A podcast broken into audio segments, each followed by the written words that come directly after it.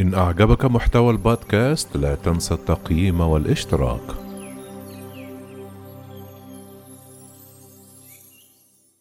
من داخل قاعدة عين الأسد شهادات حول هجوم كاد يشعل الحرب بين الولايات المتحدة وإيران.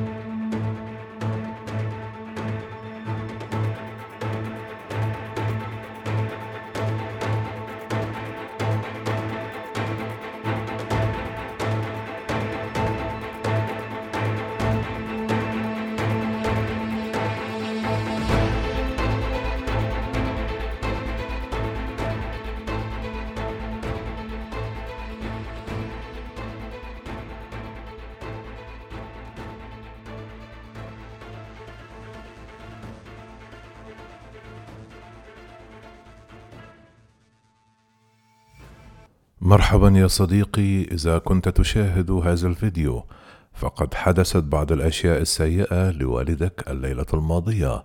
لذا أريدك أن تكون قويا من أجل والدتك واعلم دائما أنني أحبك وداعا يا صديقي. قبل تسجيل الرائد في الجيش الأمريكي آلان جونسون هذه الرسالة لابنه كان ضابط مخابرات أخبره أن لديهم معلومات بأن إيران تعد 27 صاروخا باليستيا متوسط المدى وأن هدفهم هو تسوية قاعدة عين الأسد الجوية المترامية الأطراف على بعد 120 ميلا غرب بغداد وقد لا ننجو. بحسب مقابلات أجراها برنامج 60 Minutes على شبكة سي بي إس نيوز. كان هذا الهجوم بمثابة أول دلالة للرد على مقتل قائد فيلق القدس في الحرس الثوري الإيراني قاسم سليماني بطائرة بدون طيار قبل ستة ليالي وبالتحديد في الثالث من يناير من عام 2020 والذي بدأ بتحريك الصواريخ البالستية حيث كانت القوات الأمريكية تراقب ذلك عن كثب. وسارعت ال lieutenant colonel في سلاح الجو ستاسي كوليمان ورفاقه بإخلاء أكثر من خمسون طائرة وألف جندي قبل سقوط الصواريخ لكن القاعدة كانت لا تزال بحاجة إلى أن تكون مأهولة. ما زلنا بحاجة إلى أن نكون قادرين على القيام بمهمتنا. لذلك كان القرار الأول هو تقسيم فريقنا على أساس القدرة القتالية. بعدها أرسل اللفتنة كولونيل تيم غارلاند الذي كان يقود كتيبة من الجيش في قاعدة عين الأسد معظم جنوده إلى الصحراء ليشاهدوا الهجوم إذا حدث من مسافة آمنة. ويقول كان هناك الكثير من الأشخاص الذين لم يرغبوا في المغادرة كانوا يريدون تحمل العبء والمشاركة في الخطر. ومن مقره في ولاية فلوريدا حاول قائد القيادة المركزية الأمريكية الجنرال فرانك ماكنزي توقيت الإخلاء بشكل صحيح.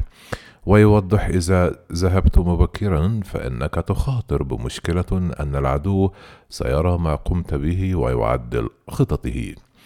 راقب الإيرانيون قاعدة عين الأسد من خلال شراء صور مثل تلك التي التقطتها الأقمار الصناعية التجارية. انتظر ماكنزي حتى بعد أن قامت إيران بتنزيل صورتها الأخيرة لهذا اليوم حيث رأوا طائرات على الأرض وأشخاص يعملون ولم يروا عمليات الإخلاء. قال ماكنزي أعتقد أنهم توقعوا تدمير عدد من الطائرات وقتل عدد من أفراد الخدمة الأمريكية. وبعد ساعات قليلة من تسجيل جونسون انهمرت صواريخ باليستية إيرانية بالفعل على قاعدة عين الأسد الجوية في العراق حيث كان يتمركز ألف جندي أمريكي. وبينما كانت الصواريخ البالستية التي كانت تحمل رؤوسا حربية ويزن كل واحد منهما ألف باوند. لم يكن بإمكان الأمريكيون الذين وقعوا في مرمى النيران أن يفعلوا شيئا سوى الرقد أو البحث عن غطاء للحماية. كان جونسون يختبئ في ملجأ صمم لحماية القوات من الرؤوس الحربية الأصغر التي تزن ستون باوندا فقط فضلا على أن قاعدة عين الأسد لم يكن لديها أي نظام لصد الصواريخ البالستية أدت الانفجارات إلى اندلاع النيران التي كانت تصل إلى المخابئ بحسب جونسون الذي أكد أن المخبأ لم يوفر أي حماية من ذلك. كانت عقارب الساعة تشير إلى الواحدة وأربعة وثلاثون دقيقة صباحا عندما سقط أول صاروخ. ومع قدوم صاروخ ثان بدأ جونسون ورفاقه يجرون من جديد بحثا عن مخبأ واصفا صوت الصواريخ كأنه مثل قطار شحن يمر إلى جانبك. يصف جونسون هذه اللحظات كنا ستة أشخاص نركض تجاه المخبأ التالي في محاولة للنجاة بحياتنا. وما أن وصلنا إليه أدركنا أن هناك حوالي أربعون شخصا يحاولون حشر أنفسهم في هذا المخبأ الذي صمم لحوالي عشرة أشخاص فقط. كنا ندفع بعضنا بعضا من أجل أن يسعنا القبو. وقالت كولمان كانت أفضل المخابئ هي ملاجئ الغارة الجوية التي بنيت في عهد صدام حسين لكن لم يكن هناك ما يكفي منها. أطلقت إيران ما مجموعه 16 صاروخا تلك الليلة من ثلاثة مواقع سقط 11 منها في قاعدة عين الأسد فيما أخطأت خمسة صواريخ أهدافها. وكان الرقيب جون هينز قائد القوات الجوية وفريقه الأمني خارج عربتهم المصفحة. عندما سقطت الصواريخ الأولى واصفا الأمر بأنه كان مثل شروق الشمس فورا. ويقول رميت الهاتف ورقدت نحو سيارتي وبمجرد حدوث هذا التأثير. أدى الضغط الخلفي المتولد عن انفجار أحد الصواريخ إلى إغلاق أبوابنا ثم رأينا سحابة من التراب ثم النيران. من جانبه كان ماكنزي يتابع الهجوم من غرفة صغيرة في مقره في فلوريدا حيث يمكنه التواصل مباشرة مع الشخصين الوحيدين الذين هم أعلى منه في سلسلة القيادة. أحضروا وزير الدفاع وبعد ذلك بقليل أحضروا الرئيس إلى هذه المحادثة. استمرت الصواريخ إلى ثمانون دقيقة لم يقتل فيها أحد. وعندما أشرقت الشمس قام الناجون بمسح الأضرار. أصيب كيتلز بارتجاج في المخ لمدة أسبوعين ويقول واصفا وضعه حينها. كأن شخص ما ضربني على رأسي بمطرقة مرارا وتكرارا. أما جونسون يعاني حتى اليوم من صداع بسبب طنين رهيب في الأذنين. وشخص الأطباء العسكريون أكثر من مائة إصابة في الدماغ.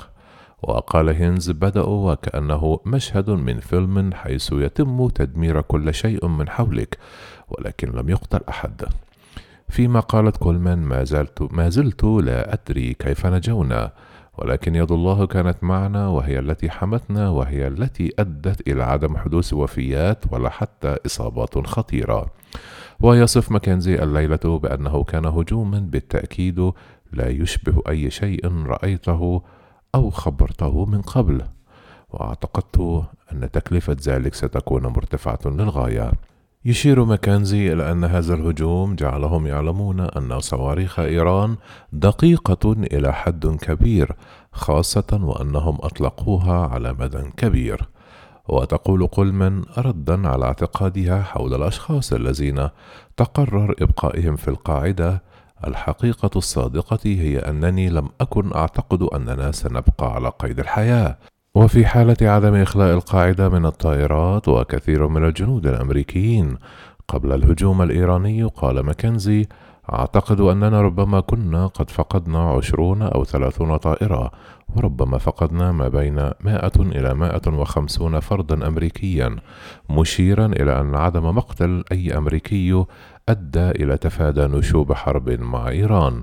كانت إيران في حالة تأهب لضربة أمريكية محتملة وبعد ساعات أسقطت بالخطأ طائرة ركاب أوكرانية معتقدة بأنها قاذفة أمريكية. مات 176 شخصا بريئا تماما ما جعلها تدفع الآن ثمن هذا الخطأ الكبير.